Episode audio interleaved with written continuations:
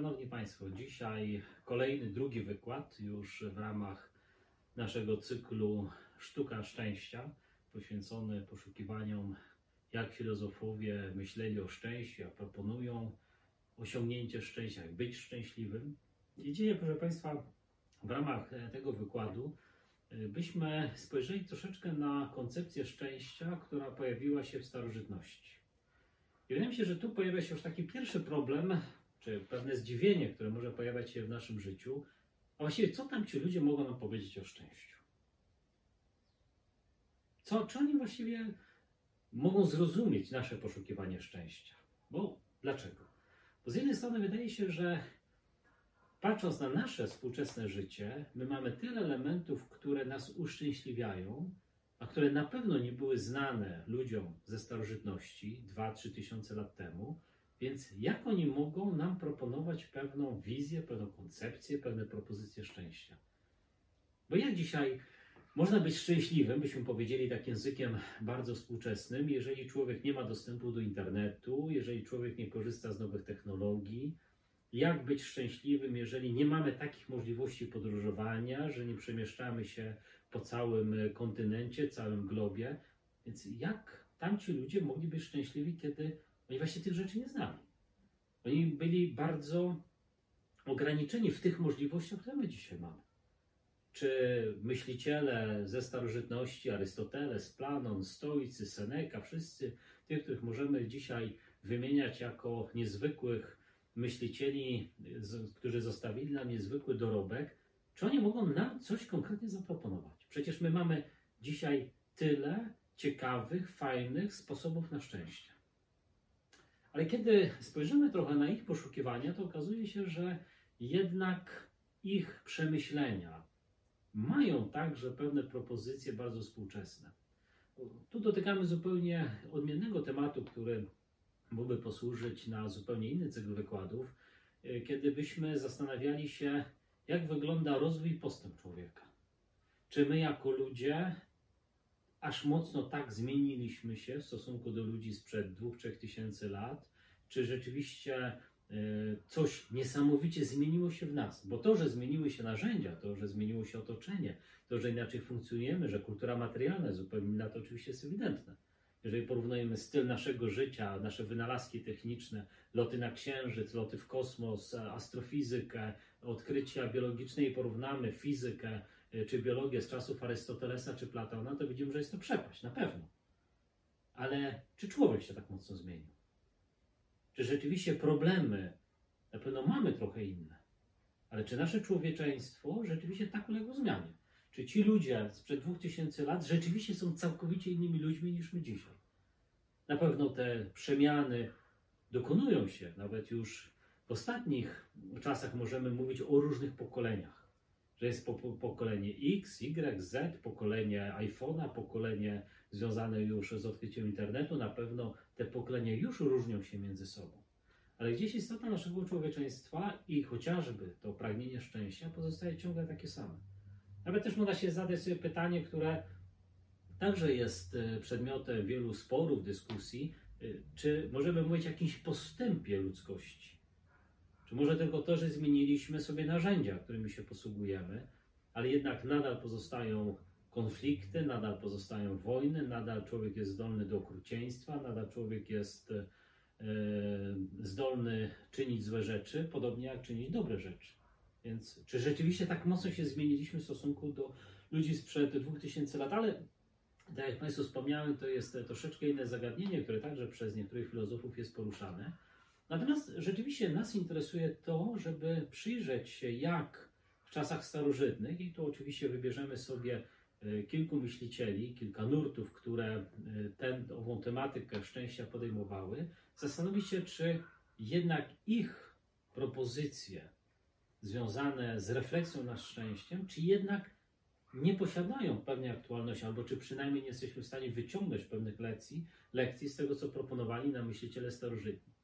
Wydaje się, że w przeciwieństwie do czasów współczesnych, oczywiście to jest taka refleksja bardzo ogólna, wydaje się, że starożytni o wiele bardziej byli nastawieni na poszukiwanie tej, tego szczęścia, harmonii w życiu niż my dzisiaj. My dzisiaj jesteśmy bardzo zabiegani, my stawiamy sobie wiele celów, to prawda. Każdy człowiek wyznacza sobie konkretne cele, co chciałby osiągnąć, co chciałby zyskać, co chciałby robić, i tych celów mamy nieustannie bardzo dużo, ale my nawet jako ludzie współcześni trochę boimy się pytania o szczęście. My boimy się zadać, czy rzeczywiście celem naszego życia jest osiągnięcie pewnych, pewnego szczęścia, pewnej pełni. Człowiek nawet boi się tak postawić pytań. My sobie wyznaczamy konkretne cele, które tak czy inaczej chcemy osiągać, takie studia skończyć, taki zawód zdobyć, osiągnąć taki status materialny, sobie wyznaczamy bardzo konkretne cele, pewien, pewien cel związany ze standardem naszego życia, na pewno, ale dzisiaj człowiek może nie stawia tak jasno pytania, że chciałbym być szczęśliwy, a w starożytności wydaje się, że to pytanie, zwłaszcza kiedy popatrzymy na pewnych myślicieli czy nuty filozoficzne były stawiane bezpośrednio. Co zrobić, żeby osiągnąć ową harmonię, pewną, pewne szczęście, pewne, pewne pełnię życia, pewne najwyższe dobro, jak na przykład mówi Arystoteles. Co zrobić, żeby to po prostu osiągnąć? I może zacznijmy od e, dwóch nurtów, które w starożytności mocno podejmowały to zagadnienie szczęścia, a chodzi tutaj e, przede wszystkim o e, epikurejczyków i stoików. Ja nie będę tutaj w ramach tego wykładu Państwu dokładnie charakteryzował, kim byli epikurejczycy czy stoicy, bo wystarczy sięgnąć po pierwszą lepszą encyklopedię. Natomiast chciałbym właściwie w ramach naszej, naszego wykładu trochę spojrzeć na ich refleksję związaną z szczęściem i zastanowić się, czy ich myśli jesteśmy w stanie całkowicie przenieść do naszego, do naszego życia, do naszych czasów, czy może z jakimiś modyfikacjami, czy rzeczywiście całkowicie trzeba ich odrzucać. Kiedy popatrzymy na Epikurejczyków, to właściwie ich charakteryzuje jedno. I myślę, że tu nie jesteśmy aż tak daleko od Epikurejczyków. Epikurejczycy uważali, że celem życia człowieka jest osiągnięcie pewnej przyjemności. I zwróć uwagę, że każdy z nas dąży do przyjemności. Nawet bym powiedział, nie jest jakąś y, rzeczą właściwą, kiedy człowiek cały czas y, żyje w jakimś poczuciu ascezy, odmawiania sobie wszystkiego. Popatrzmy, że przyjemność jest czymś bardzo naturalnym dla człowieka. My chcemy korzystać z pewnych przyjemności, chcemy doświadczać rzeczy przyjemnych, y, chcemy uczestniczyć w procesach, które sprawiają nam przyjemność. To jest coś bardzo naturalnego dla człowieka. I wydaje mi się, że z tego też powodu Epikurejczycy uważali, że należy gdzieś utożsamić szczęście człowieka z przyjemnością i z brakiem pewnych elementów, które są przeciwieństwem przyjemności, czyli cierpienia.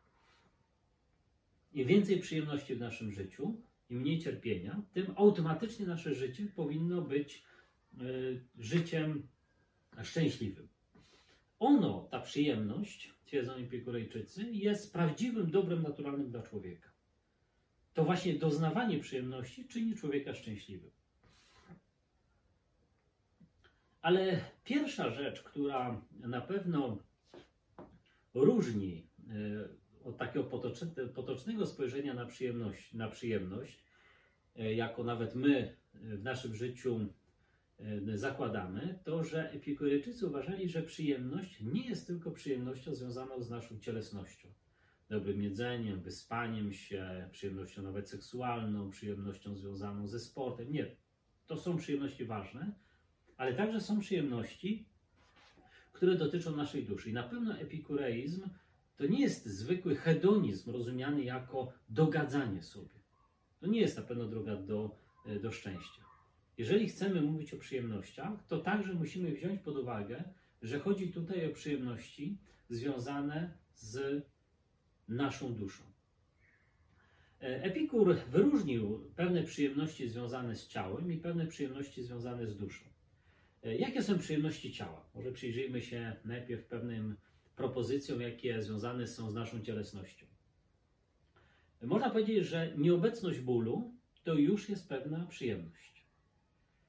W nieobecności bólu przyjemność, twierdzi Epikur, osiąga swoją pełnię i doskonałość. Ciało cieszy się, zaznacza Epikur, tylko tym, co jest obecne w danej chwili. Wydaje się, że Epikurejczycy też doceniają właśnie ten element chwilowości, że przyjemność związana jest z doznaniami, które doznajemy tu i teraz. Oczywiście człowiek może żyć pewnymi przyjemnościami, które pojawiły się w naszym życiu w przeszłości. Zwróć uwagę, że też pewną przyjemnością w naszym życiu jest oczekiwanie na coś, co ma nadejść. Jeżeli wiemy, że spotka nas nagroda, kiedy wiemy, że e, czeka nas miły urlop, popatrzmy, że nawet samo przygotowanie, sama, samo oczekiwanie na rzeczy przyjemne już jest swego rodzaju przyjemnością. Rzeczywiście taką, tak jesteśmy skonstruowani, więc zwróćcie uwagę, że czasami samo oczekiwanie, samo przygotowanie, samo, sama myśl o rzeczach przyjemnych, które wiemy, że pojawią się w naszym życiu, już jest także elementem uczestniczenia w przyjemności. Ale na pewno nie zmienia to, że najważniejszym elementem, który nas, który sprawia nam największą przyjemność, to jest to, kiedy te przyjemności dokonują się tu i teraz, czyli w teraźniejszości. Również są przyjemności dla duszy. E, dusza, e, twierdzi, twierdzi Epikur, e, i to, o czym wspomniałem przed chwilą, potrafi cieszyć się właśnie przyjemnościami, które były. Ale rzeczywiście sami dobrze wiemy, że nie zawsze wracanie do przyjemności, które były, daje nam pewną satysfakcję. My oczywiście mamy poczucia spełnienia, że uczestniczyliśmy w pewnych rzeczach przyjemnych, miłych, cudownych, ale na pewno to jest jakiś tylko element przyjemności duszy. Również e, ta przyjemność duszy związana jest z przyszłością, ale to, co, na co Epikur zwraca uwagę, e, to, to są przyjemności związane z brakiem niepokoju. Wydaje mi się, że e, na pewno ten element pewnego dobrostanu, który powoduje, że nie jesteśmy przeniknięci pewnym niepokojem co do przeszłości czy do przyszłości, również jest elementem przyjemności duszy.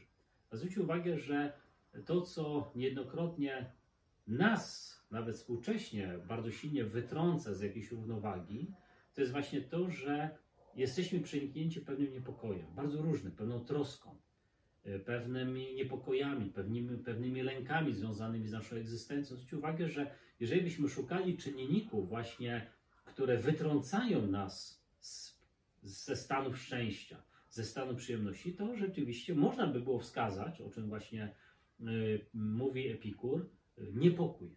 Bo niepokój, którego nie jest łatwo w naszym życiu wyeliminować. Zwróćcie uwagę, że to, co nawet mówiliśmy w czasie pierwszego wykładu, że te chwile przyjemności, szczęścia, chwile szczęśliwości niejednokrotnie potrafią nam odsuwać pewną troskę życia. Ale niepokój, który gdzieś pojawia się w naszym życiu, on rzeczywiście jest pewnym elementem, który przynajmniej w naszym mniemaniu gdzieś oddala nas od pewnego szczęścia. Że zawsze o coś się troszczymy, o coś się niepokoimy.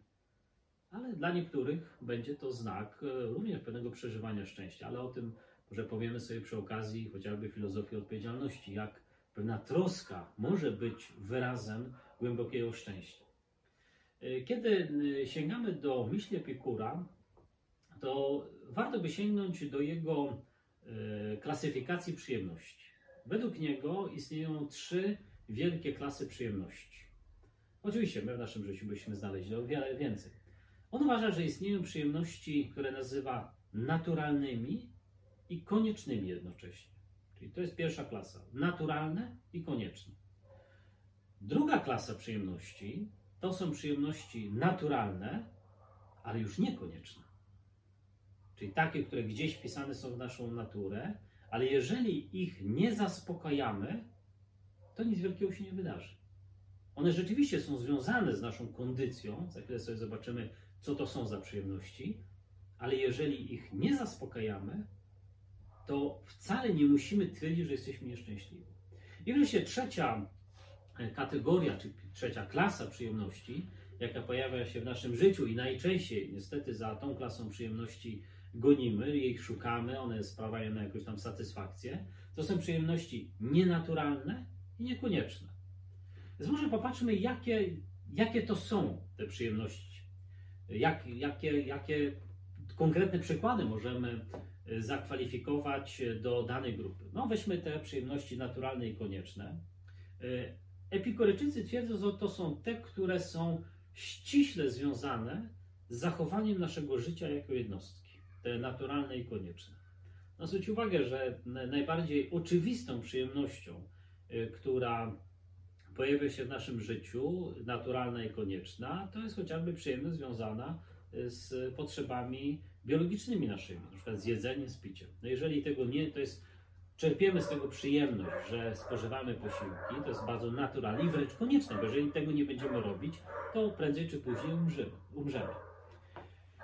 E, druga klasa przyjemności to są te przyjemności naturalne i niekonieczne. E, e, to są przyjemności, które wypływają z naszej natury, ale można powiedzieć, jeżeli już ich nie zaspokoimy, to dramat się nie wydarzy. Na przykład Epikurejczycy twierdzą, że taką przyjemnością naturalną, ale niekonieczną jest poszukiwanie jakiegoś wykwintnego jedzenia to jest przesadne ubieranie się, poszukiwanie jakichś niezwykle pięknych strojów. Oczywiście, y, chociażby z racji biologicznych, aby zapewnić y, funkcjonowanie naszego organizmu, potrzebujemy ukrycia, ale już poszukiwanie jakichś niezwykle wykwintnych sposobów ubierania się, zdaniem Epikurejczyków, już jest niekonieczne.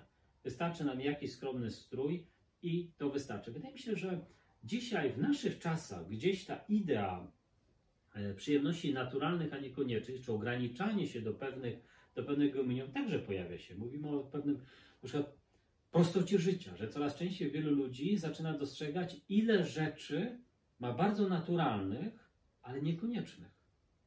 Że potrzebujemy mieszkania, potrzebujemy e, ubioru, potrzebujemy wielu elementów w naszym mieszkaniu, ale coraz częściej ludzie się zastanawiają, dobrze, ale czy to wszystko jest nam konieczne? Czy rzeczywiście musimy gromadzić? To jest pewne zagadnienie związane z gromadzeniem przez nas rzeczy. Że człowiek sobie myśli, a to może się przydać, ale człowiek powie się zapyta, ale rzeczywiście, czy to jest mi koniecznie potrzebne? Może komuś będzie bardziej potrzebne. Wydaje się, że dzisiaj w pewnym sposobie funkcjonowania niektórych ludzi pojawia się ta bardzo silna idea epikurejska, żeby przyjrzeć się, czy nasze potrzeby naturalne są zaspokojone, ale czy przypadkiem w naszym życiu nie pojawia się wiele rzeczy niekoniecznych? Chociażby popatrzmy na nasze domy. Ile rzeczy zgromadziliśmy, które są niekonieczne? Ile mamy ubrań, tak mówiąc bardzo już konkretnie, których nie używamy już od wielu lat? Oczywiście, możemy je sobie zachowywać, możemy je, jeżeli mogą nam się przydać, ale czasami wiemy, że pewne rzeczy na pewno już nam się nie przydadzą. I czy rzeczywiście powinniśmy je mieć dla samego faktu posiadania? I takie pytanie mogą zadać Epikurejczycy. Czy rzeczywiście naszym szczęściem nie byłoby przyjrzenie się, czy przypadkiem w naszym otoczeniu, w naszym życiu za dużo pojawiło się rzeczy, może naturalnych, wynikających z funkcjonowania człowieka, z konkretnego życia, ale jednak rzeczy, które byśmy nazwali, że one wcale nie są konieczne. Bez nich może dobrze funkcjonować, a wręcz więcej, one nawet gdzieś mogą nam przeszkadzać. I wreszcie trzecia kategoria, czyli te rzeczy, ta klasa przyjemności niekoniecznych i nienaturalnych, to są przyjemności próżne, wywołane próżnymi mniemaniami ludzkimi e, i zdaniem epikurejczyków właściwie takimi przyjemnościami są wszystkie e, przyjemności, które no, niezwykle napędzają życie wielu ludzi. To są wszystkie przyjemności związane z nadmiernym bogaceniem się, z władzą, zaszczytami, przywilejami, e, posiadaniem nie wiadomo czego. E, I rzeczywiście Epikurejczycy uważają, że może warto by przyjrzeć się, czy te potrzeby nienaturalne, niekonieczne, e, rzeczywiście musimy tak się nie zaspokajać. Oczywiście przenosząc to na grunt bardzo współczesny, wydaje mi się, że nieraz człowiek powinien dokonać pewnej refleksji, za czym człowiek goni. Czy wiele tych przyjemności które dla nas są, wydają się przyjemnościami, które musimy zrealizować, rzeczywiście są nam potrzebne, konieczne, czy bez nich jesteśmy w stanie się obyć, czy one są potrzebne naszego życia, a czasami zbyt silne gonienie za zaszczytami, bogactwem, karierą itd. Tak jednak sprawia, że gdzieś zaczynamy pomijać to, co jest najbardziej ważne i istotne. Oczywiście nie da się, e, patrząc nawet na te propozycje, Epikurejczyków w ten sposób uporządkować świat, żebyśmy ograniczyli się do, przy, do przyjemności tylko naturalnych i koniecznych, albo nawet trochę do naturalnych i niekoniecznych, bo świata nie jesteśmy w stanie w ten sposób poprawić, naprawić, zmienić, bo jednak ekonomia, pieniądz, poszukiwanie władzy e, będą istniały zawsze, były i będą. Ale rzeczywiście w naszym życiu nieraz warto zastanowić się, rzeczywiście jakie przyjemności jakby zaczynają odgrywać największą rolę. Czy rzeczywiście te przyjemności związane chociażby wymienione przez Epikurejczyków, zaszczyty, władza, e, poszukiwanie jakiegoś przesadnych, e, przesadnego bogactwa, czy one rzeczywiście nie powodują, że człowiek gdzieś sam siebie trochę unieszczęśliwia? E, dlaczego?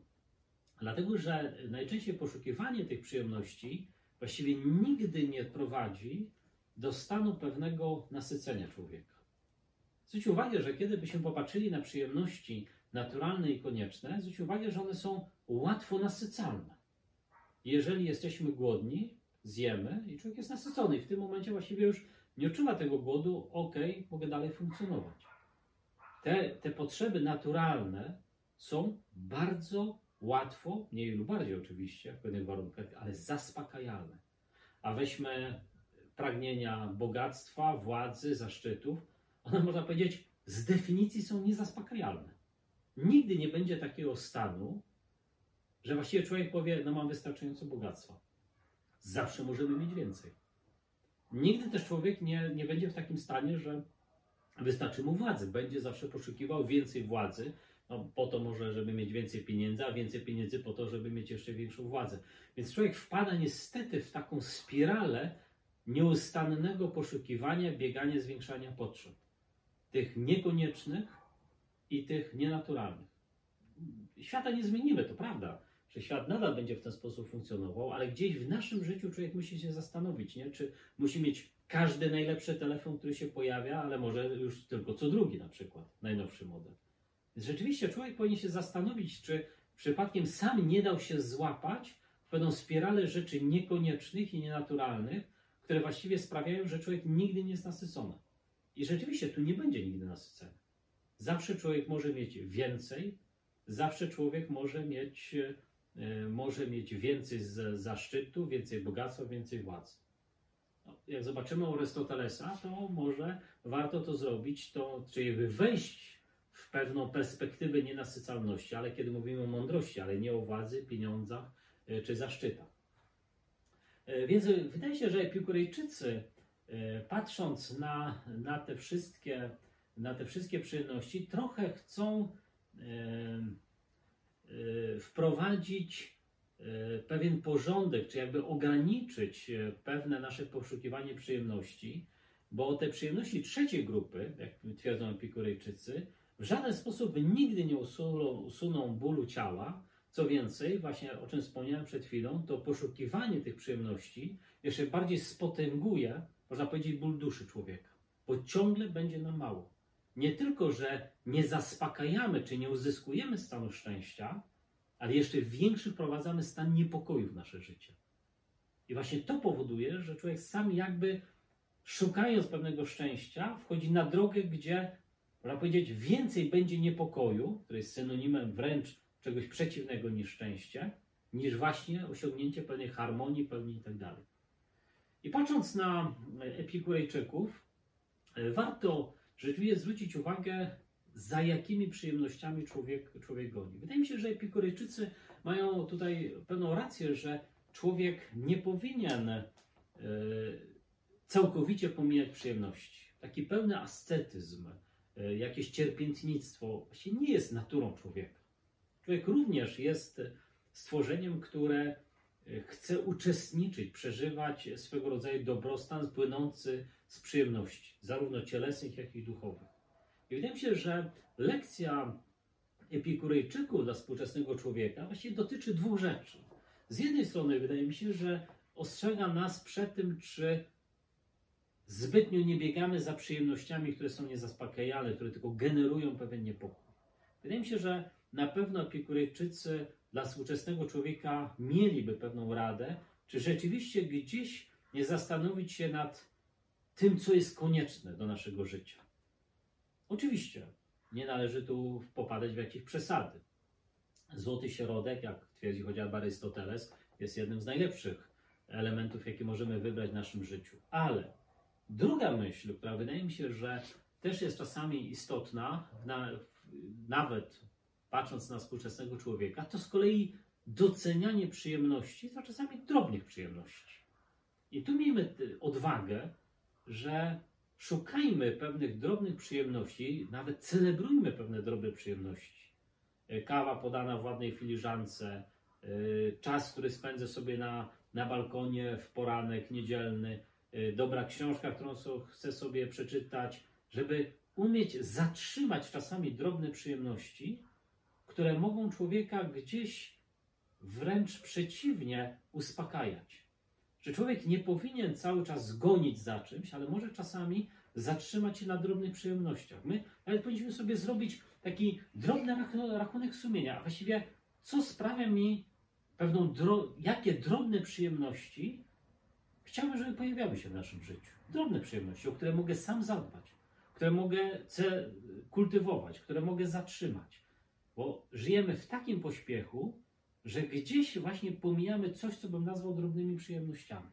I może Epikurejczycy, już pomijam cały ich podział na te, na te przyjemności konieczne, niekonieczne, konie naturalne i tak dalej, ale żeby dostrzec, że również pewna droga do szczęśliwości, nawet do szczęścia, pisanego z dużej litery, szczęścia jako spełnienie życia, także polega na tym, że człowiek potrafi zatrzymać się, dostrzec, kultywować, yy, przywiązywać wagę do czegoś, co można nazwać drobnymi przyjemnościami, oczywiście, jeżeli nie staną się też jakąś, jakąś przesadą. Yy, tyle może na temat yy, epikurejczyków, żebyśmy mogli chociażby w ramach tego wykładu spojrzeć też na innych myślicieli. Może przejdźmy do innego nurtu, który może trochę odmiennie E, podchodzi do kwestii szczęścia. Mi się wydaje, że też e, nieraz byśmy chcieli przyjąć e, taką postawę, którą proponują stoicy. Zresztą popatrzmy, jest to słowo, które funkcjonuje w języku potocznym, odwołując się do całego nurtu stoików, kiedy zachowujemy zimną krew, kiedy nie, nie ulegamy emocjom, przyjmujemy tak zwaną stoicką postawę. Popatrzmy, że jest to słowo, które funkcjonuje nawet w codzienności. I rzeczywiście stoicy w starożytności mieli pewną propozycję związaną z poszukiwaniem, z poszukiwaniem szczęścia. Sami uważali, że celem życia jest rzeczywiście poszukiwanie i osiągnięcie szczęścia. Po pierwsze, filozofia, ich zdaniem, ma dopomóc nam w określeniu, na czym polega szczęście i co więcej, jakich mamy użyć środków, żeby to szczęście osiągnąć to, co e, możemy nazwać jakąś dewizą stoików, to jest przede wszystkim e, to jest życie zgodne z naturą, to jest życie zgodne z nakazami natury. E, oczywiście pytanie jest, a co to jest natura? Jaką my mamy naturę? Oczywiście obserwacja, jaką stoicy czynili w stosunku do człowieka, uważali, że to, co jest najbardziej naturalne dla człowieka, to jest nasza rozumność. Mamy rozum. Czyli można powiedzieć, że skoro człowiek posiada rozum, to drogą do osiągnięcia szczęścia będzie życie zgodnie z wymogami naszego rozumu. E, stoicy oczywiście byli bardzo rygorystyczni, nieprzejednani. E, uważają przede wszystkim za drogę do szczęścia tylko te dobra, które wzmacniają nasz rozum.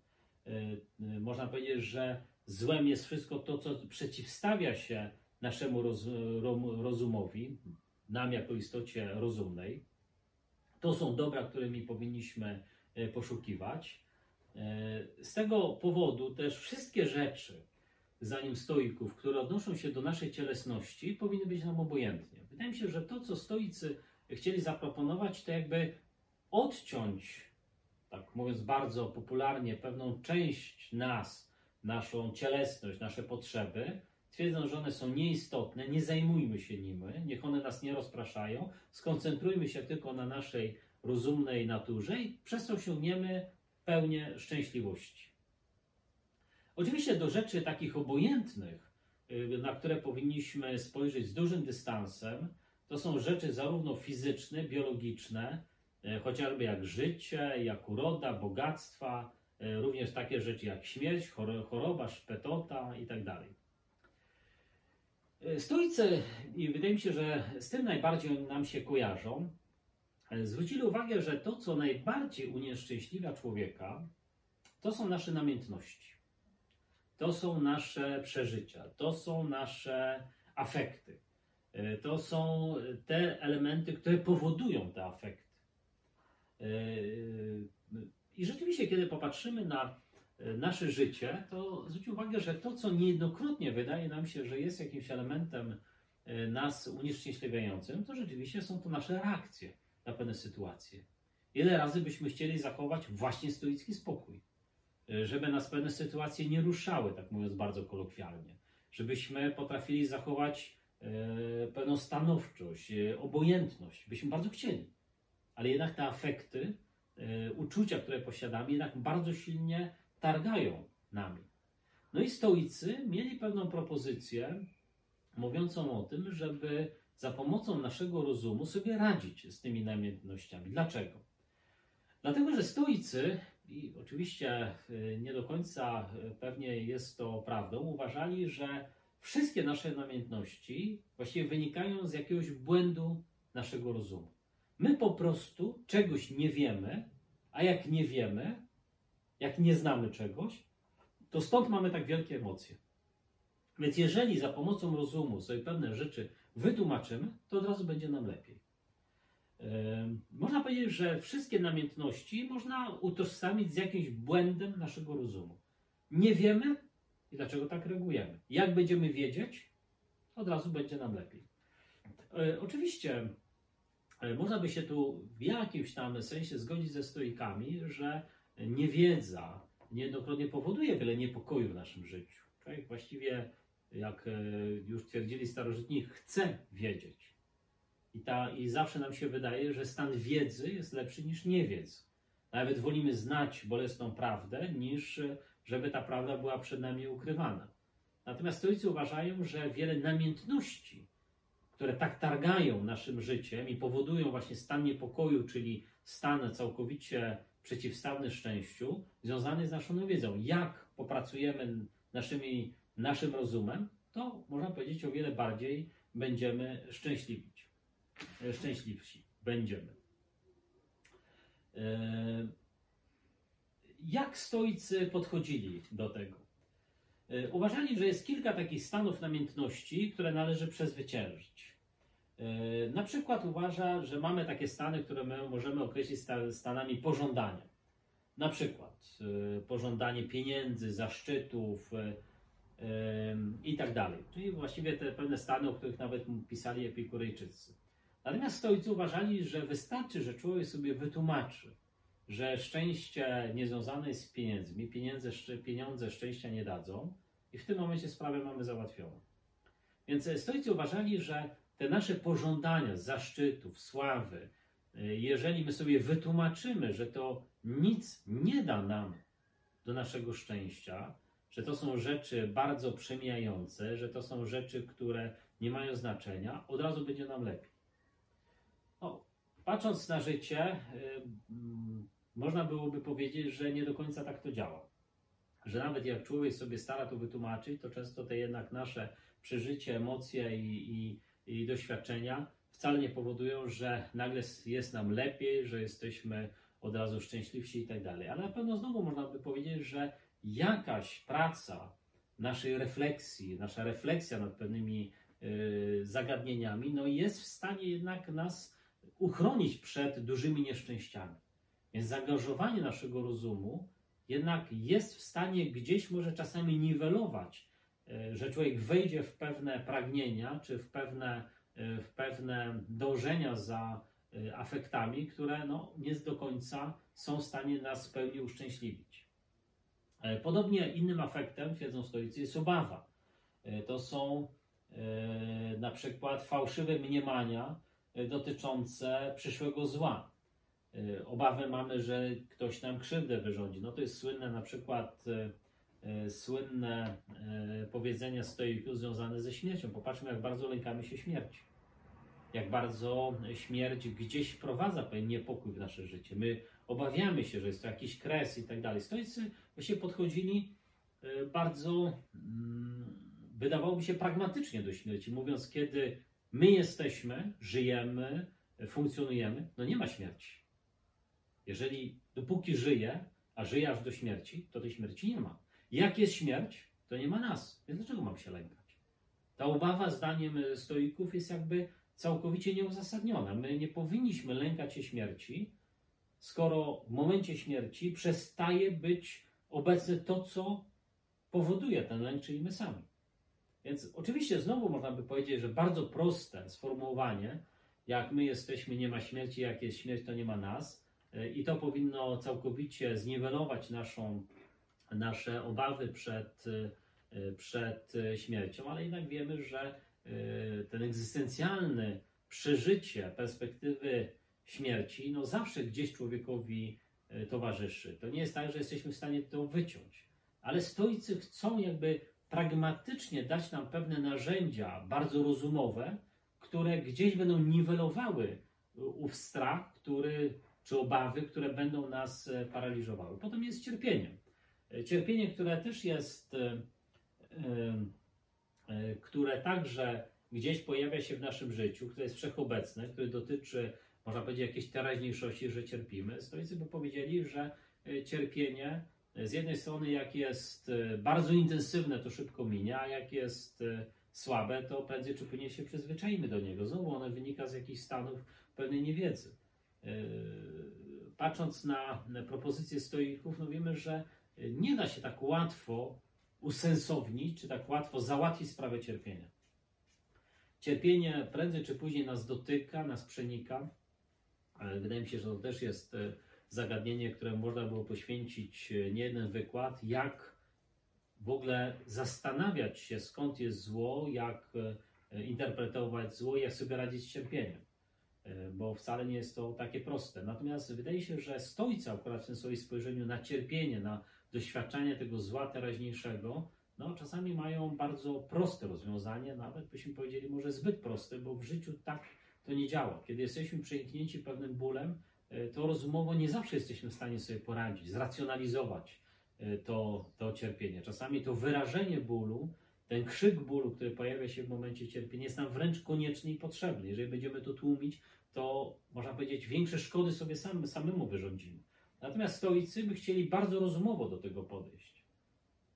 Również podobnie podchodzą do przyjemności, bo to jest fałszywe mniemanie i fałszywy sąd na temat E, domniemanego dobra obecnego, że te rozkosze, że to nam zapewni szczęścia. Stoicy jakby ostrzegają nas, nie? że rozkosze szybko się skończą, że e, przyjemności e, mogą przeciwstawić się, mogą przemienić się w jakąś frustrację człowieka. Wydaje mi się, że stoicy chcą nas ostrzec, no, w przeciwieństwie do epikurejczyków, żebyśmy zbyt wielkiej ufności nie pokładali w przyjemnościach, bo te przyjemności także mogą być zdradliwe że człowiek się uzależnia od przyjemności, a kiedy ich zabraknie, wydaje mi się, że cały świat się zawalił. Yy, więc patrząc na, na ten nurt stoików, można powiedzieć, że stoicy na pewno byli ludźmi, którzy niezwykle byli przekonani o pewnej sile naszego rozumu. Że nasz rozum jest w stanie najpełniej doprowadzić nas do szczęścia. Jak zobaczymy, że takie podejście nieraz będzie pojawiało się w filozofii, że nasz rozum, nasza, nasza racjonalność, nasza, nasze wyposażenie, które posiadamy, jest na pewno pewnym sposobem do osiągnięcia szczęścia. I wydaje mi się, że w tym akurat y, trochę stoików y, można by naśladować. Bo wydaje mi się, że stoicy bardzo mocno chcą podkreślić, że szczęście nie jest zależne od koła fortuny, o czym nawet mówiliśmy na pierwszym wykładzie, tylko my mamy pewne narzędzia w nas samych, Mamy pewne wyposażenie, dla nich oczywiście to była czysta racjonalność, czysty rozum, że mamy pewne wyposażenie, które staje się gwarantem naszego szczęścia. I wydaje mi się, że w tym momencie można by było troszeczkę patrzeć na stoików. Oczywiście nikomu nie zaszkodzi, kiedy nabieramy dystansu do pewnych rzeczy, kiedy potrafimy rozumem sobie wytłumaczyć pewne sprawy, kiedy spróbujemy przezwyciężyć pewne obawy. Na pewno pewna praca stoików, jaką oni proponują, nie jest czymś całkowicie błędnym, że bycie stoikiem wcale nie oznacza, że mamy być nieczułymi osobami, nie reagującymi na e, żadne bodźce zewnętrzne, bo wydaje mi się, że jest to trochę wypaczony obraz stoicyzmu. E, bo stoik raczej dostarcza pewnych narzędzi, żebyśmy umieli gdzieś z, jakby przeciwstawić się e, pewnym niepożądanym reakcjom, które wywołuje w nas świat. Więc stoik to nie jest tylko ktoś, kto posiada zdolność do, można powiedzieć, braku jakichkolwiek emocji. Ale na pewno usiłuje owe emocje przefiltrować czy włączyć w te emocje pełen element racjonalności. Wydaje mi się, że na pewno byłaby to propozycja, która, e, z której skorzystałby każdy człowiek. E, Więc proszę Państwa, e, w ramach tego wykładu drugiego, poświęconego myśli starożytnej, e, zatrzymaliśmy się tylko właśnie na tych dwóch nurtach. Można by jeszcze wspomnieć o Arystotelesie, który poszukiwał, dla którego życie człowieka zmierza w stronę najwyższego dobra. On uważał, że znowu to, co jest w stanie nas doprowadzić do tego najwyższego dobra, to są cnoty, czy te cnoty związane z, e, e, z naszą etycznością, cnoty intelektualne.